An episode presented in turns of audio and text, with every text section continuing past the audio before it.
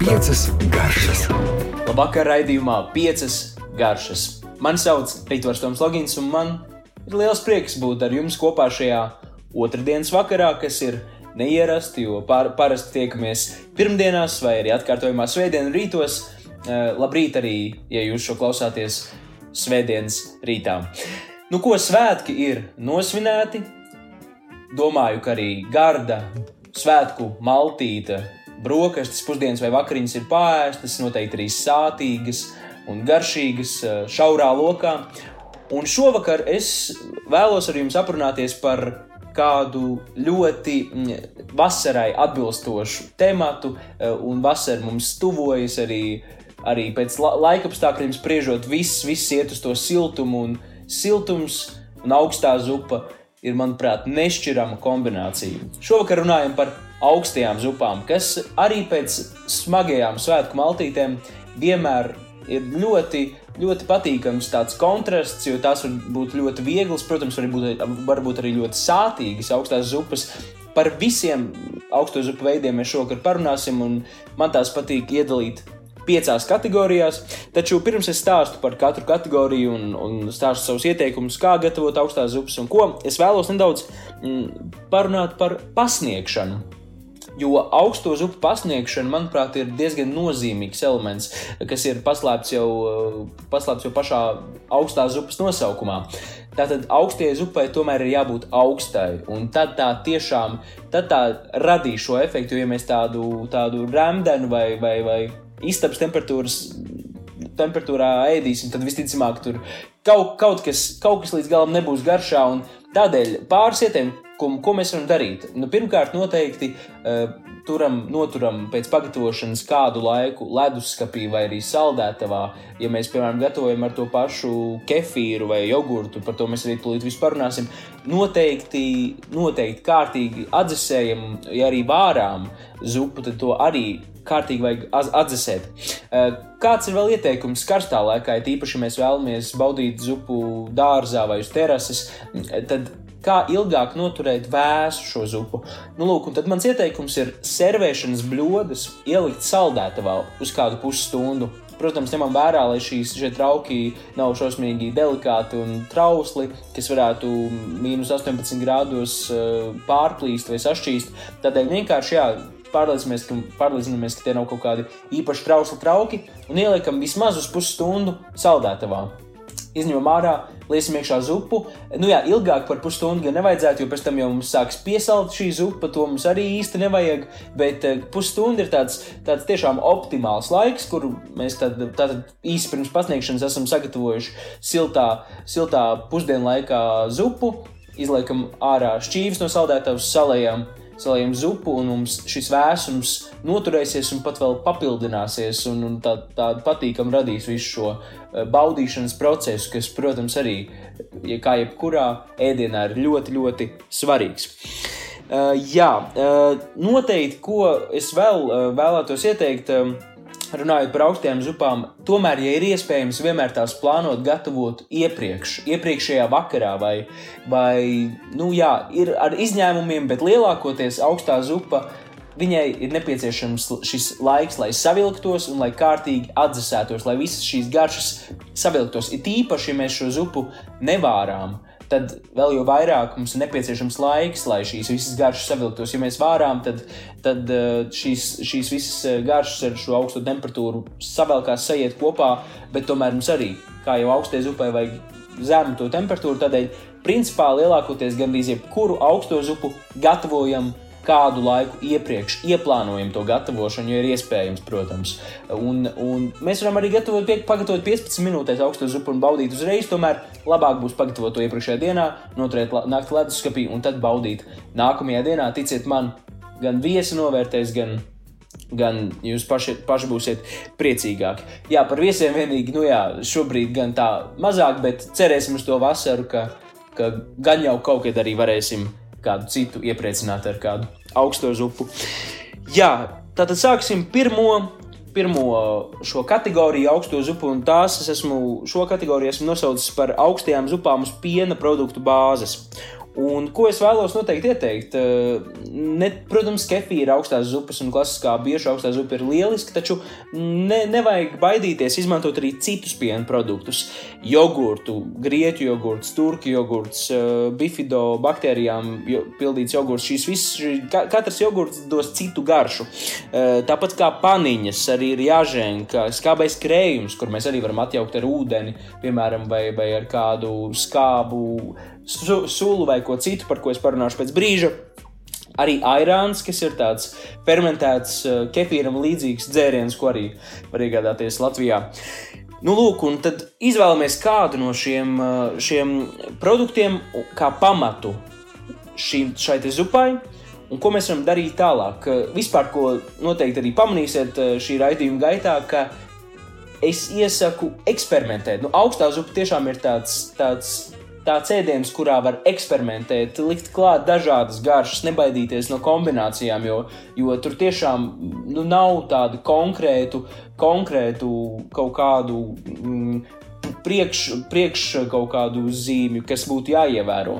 Var gan izvēlēties dažādus interesantus produktus, noteikti izvēlēties sezonālus produktus. Ja jums ir pieejams tirgū dažādi zaļumi, lieciet visus zaļumus, ko jūs vien varat iegādāties. Arī salātu lapas, varat uztaisīt kā tādus uh, zupas salātus, tādus lapu salātus ar, ar kefīru, piemēram, mērci, kas principā beigās būs tāda, tāda ļoti daudz zaļumiem pildīta zupa.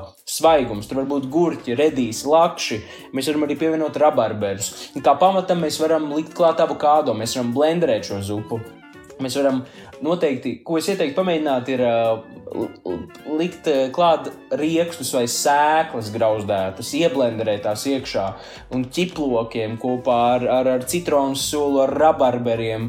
Nu, tiešām pavasaris un, un vasarā vēl nāks daudz citu zaļumu un dārzeņu. Tos visus mēs droši varam likt klāt un radīt jaunas kombinācijas un garšas un, un radīt daudz dažādus garšīgus ēdienus. Un kas ir pats labākais augstajai zupai, ka mēs varam salikt daudz un dažādus šos te, šīs sastāvdaļas, un tāpat tā nebūs tāda nomācoši sātīga, tā nebūs pārāk smaga.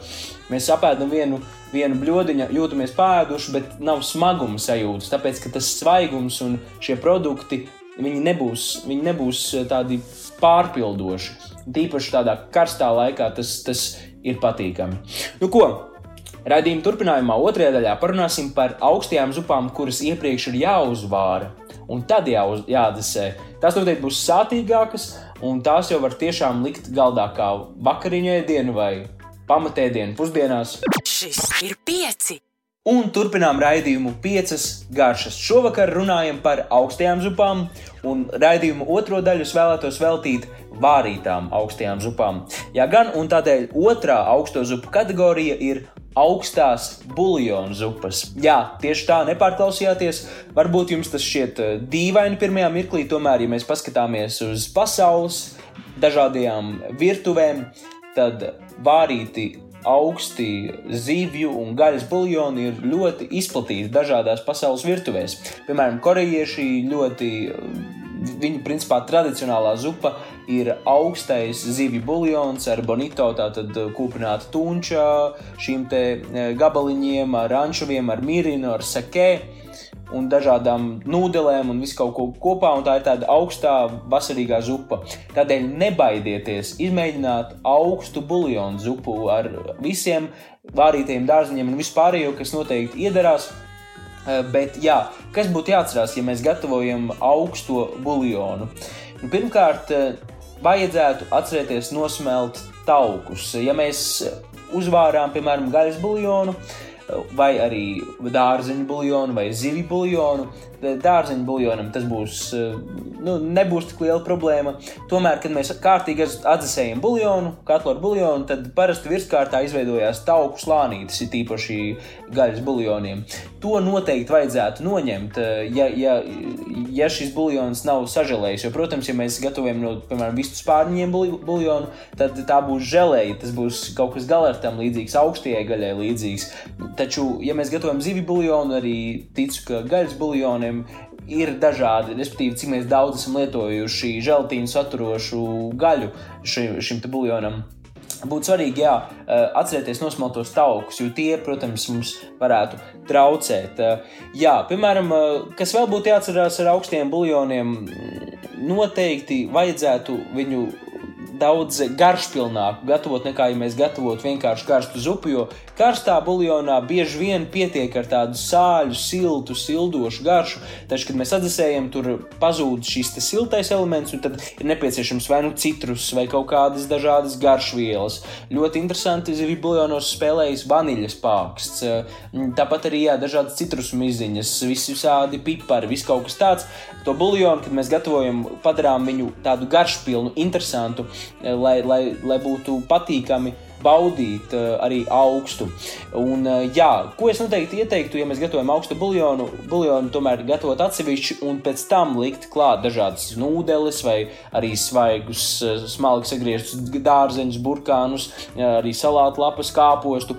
Visu kaut ko, tad es ieteiktu to darīt tomēr pēc tam, nevis jau zupā savārīt un, un, tad ēst augstu, jo ticiet man, tas būs arī tekstūra, tekstūra ziņā patīkamāk un garšīgāk. Bet noteikti iesaku izmēģināt īpaši Āzijas tipu zupas, kas uh, ir diezgan klasiski šādā veidā augstas baudīt.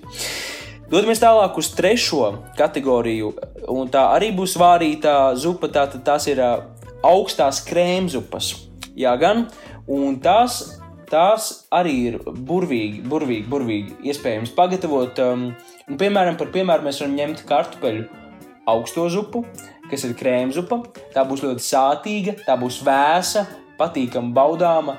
Un, uh, un mēs būsim kārtīgi pēduši, varam pievienot arī kūpinātu lasu, ielikt uh, zīves gaļu.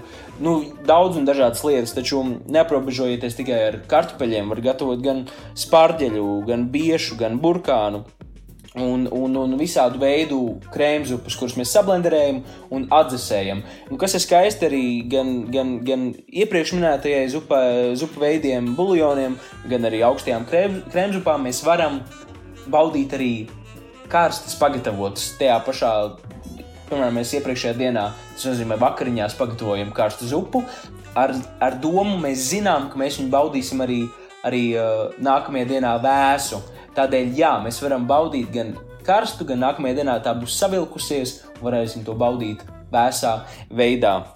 Kas vēl jāatcerās par augstajām krēmzupām, nu, tur tiešām var neaprobežoties tikai ar eh, dažādiem dārziņiem. Tāpat arī kalē kāpostus var blenderēt un, un var apgrilēt iepriekš dažādus dārzeņus un tad vārīt. Un tad tā garša būs vēl, vēl dūmakaina un ar vēl sātīgumu piešķirs. To es noteikti arī iesaku pamēģināt. Nu, Kā jau jūs iespējams noprot, noprotat līdz šim, cik esmu pastāstījis, tad es jūs nevēlos ielikt nekādā kastē vai iegrožot jūs kaut kādā konkrētā veidā, kā būtu jāgatavo augstā zupa, jo tie veidi ir ļoti, ļoti daudz un dažādi. Un izmēģināt, ja mēs katru vasaras dienu gatavotu augstai zupai, tāpat mums vēl nebeigtos veidu un idejas, kā pagatavot katru dienu to pilnīgi citādāku, garšīgu, interesantu un vienīgi, jā, varbūt vienā brīdī varētu apnikt visu laiku ēst uh, tādus, tādus zupveidīgu ēdienu, taču arī to mēs varētu noteikti kaut kā pamēģināt uh, pārvarēt, kā jau iepriekš minēju, gatavot tādus mitrus salātus, tādus zup, zupu salātus varētu saukt. Bet tiešām tie veidi ir daudz un dažādi. Nu ko, raidījuma trešajā daļā parunāsim par uh, arī daudziem zināmām augstām dārzeņu zupām un arī deserta zupām. Piecas garšas. Un turpinām runāt par augstajām zupām. Tātad ceturtā augsto zupu kategorija ir augstā svaigu dārzeņu zupa. Nu, Lielā mērā mēs to varētu arī saukt par gazpacho kategoriju. Jā, tiem, kas nezina, kas ir gazpacho, lai gan es pieņemu, ka tādu nav daudz, tā ir augsta zupa, kas principā klasiski pamatā ir gatavota no tomātiem, ķiploka, maizes, sakaltušas, eļļas, ūdens, un tā tiek blenderēta, vai saspiesta, izspiesta caur sietu, vai sakapāta un, un baudīta ļoti atdzesēta.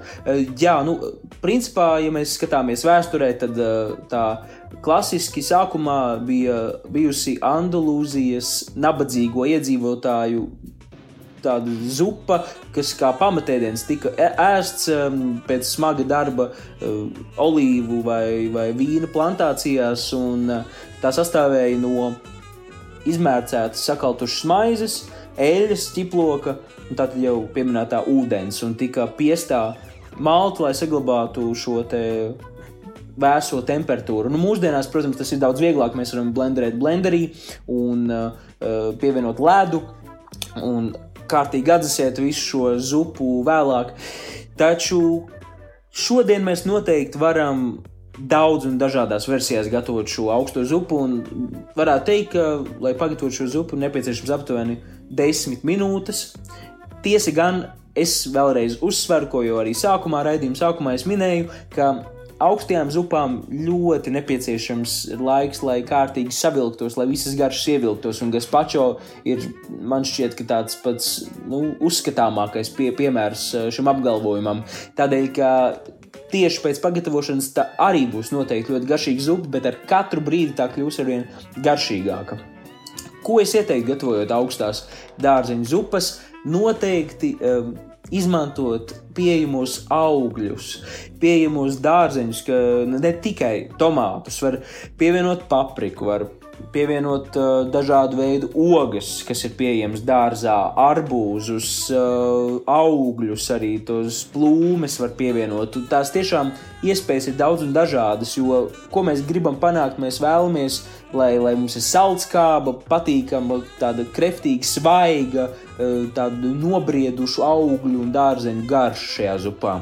Un to mēs varam panākt uh, ar daudziem dažādiem dažādiem pieejamiem, uh, pieejamiem produktiem. Un tūlīt pat arī drīzumā, tuvākā mēneša laikā, būs pieejams labā Latvijas, daudzumā Latvijas zemes. Noteikti izmantojiet arī Latvijas zemes kopā ar tomātiem, jo tomāti jau arī galu galā ir ogas, un, un gatavojiet kārtīgus gazpacho. Es gan ieteiktu vienmēr gatavojot gazpacho, tomēr gatavot tos tādus nu, latviešiem patīk teikt, kreftīgus. Pietiekami, pietiekami daudz ķiploka, pietiekami daudz etiķa, pietiekami daudz sāls, piparu, nedaudz arī asuma, kas var būt no ķiploka, varbūt no sīpoliem. Jo tur ir vajadzīgs šis līdzsvars, lai viņi nebūtu tāda pliekana. Jo mēs, jo tiešām gazpacho ir viegli arī pagatavot pliekanu un, un, un tādu bezgaršīgu. Tādēļ, tādēļ arī pievieno šīs daudzās un dažādās uh, sastāvdaļas, kas, kas rada to, to asumu, to, to, to, to, to piparoto, to patīkamo garšu, kas vēsā zupā ir vēl, vēl, vēl lieliskāks tāds komponents, kas, kas, kas noteikti paceļ to visu eh, baudīšanas, baud, baudīšanas prieku. Eh, Par zupu, eh, par zupas biezināšanu. Jā, nu redz, ja mēs gatavojam šādu gazpacho, tas bieži var iznākt ļoti šķidrs, un kas nav slikti, kas galīgi nav slikti. Tomēr, ja, mums, ja mēs vēlamies tādu krēmīgāku šo te, uh, tekstūru, mēs varam pievienot apkaltušu maizi, kas ir izmērcēta. Mēs varam arī nelietot apkaltušu maizi, mēs vienkārši varam, varam ieblenderēt pāris šķē, šķēles baltmaizes. Var arī mēģināt ar upmaizi, tomēr pēc manas pieredzes tas noteikti mainīs to garšu, kas arī nav slikti. Ap to arī var tā, gatavot zupu, un ap to var taisīt to, šo, te, šo te zupas garšu. Jo rupmaize uzbriestot arī ir dažādas garšīgas kombinācijas. Tur var ūdenī uzbriestot viņa, viņa rada, jo galu galā viņa arī salda skābi ar tādu dziļu, dziļu grauzdējumu garšu. Tur arī ap to var taisīt uh, šo zupu, bet, nu, principā, pamatā, ja mēs vēlamies tādu vieglāku un uz augļiem un dārziņiem vairāk bāzētāku zupu, tad mēs varam izvēlēties neitrālu baltmaizi, kur mēs arī izmērcējam, sablenderējam, varam vienkārši ieblenderēt, ja mēs blenderējam šajā zupā, un būs vēl papildus sātīgums, un krēmīgums un tekstūra. Nu, lūk, un noslēgumā piektā kategorija ir deserta augstās zupas kuras, jā, mēs latviešiem gan patīk vairāk uh, gatavot ķīseļus no, no, no augļiem un vairāk uh, varbūt ievārījums ķīseļus, taču es noteikti iesaku neaizmirst arī par augļu augstajām zupām, kur, kurās var pievienot daudz un dažādas uh, arī alkoholiskas uh, piedevas, šampanieti vai, vai kādu liķieri vai ko tādu, vai brendiju. Protams, pārmērīga alkohola lietošana ir kaitīga jūsu veselībai, tādēļ nevajag aizrauties. Tomēr mēs dažādos veidos varam papildināt un izcelt šo augļu garšu, šo ogu garšu ar, ar garšvielām vai ar alkoholu un, un, un padarīt to, to tādu piešķirt šo rozīnīti. Un kā jau vasarā, kad, kad mums nepieciešams baudīt visu, kas mums ir apkārt, svaigā veidā, vēsā veidā, ne tikai kokteļos un ne tikai tā, tā teikt, ievārījumos, ko mēs vārām, mēs varam pagatavot šādas augstās zupas, kurās beigās varam pievienot saldējumu vai svaigi ceptu piespiedu maizi. Un, un deserts, vasarīgs deserts ir gatavs. Nu, redziet, augsto zupu pagatavošanas iespējas ir bezgalīgas. Izmantojiet tās un izmantojiet silto laiku, kas ar vienu ar vien mums tuvojas. Paldies jums! Gatavojiet un esiet priecīgi! Taču jau nākamnedēļ, pirmdienas vakarā, ciemos raidījumā mums beidzot atkal būs viesis, par ko man ir milzīgs prieks. Un, nu, viesis arī būs tautā mīlēts un, un visiem zināms mūziķis Jānis Šepkevits, jeb Šipsī, par ko mēs runāsim. To es gan nevēlos vēl atklāt, to jau jūs uzzināsiet, ja jūs klausīsieties pirmdienas vakarā. Taču tas noteikti būs par ēdienu. Paldies un līdz nākamajai reizei! Piecas garšas!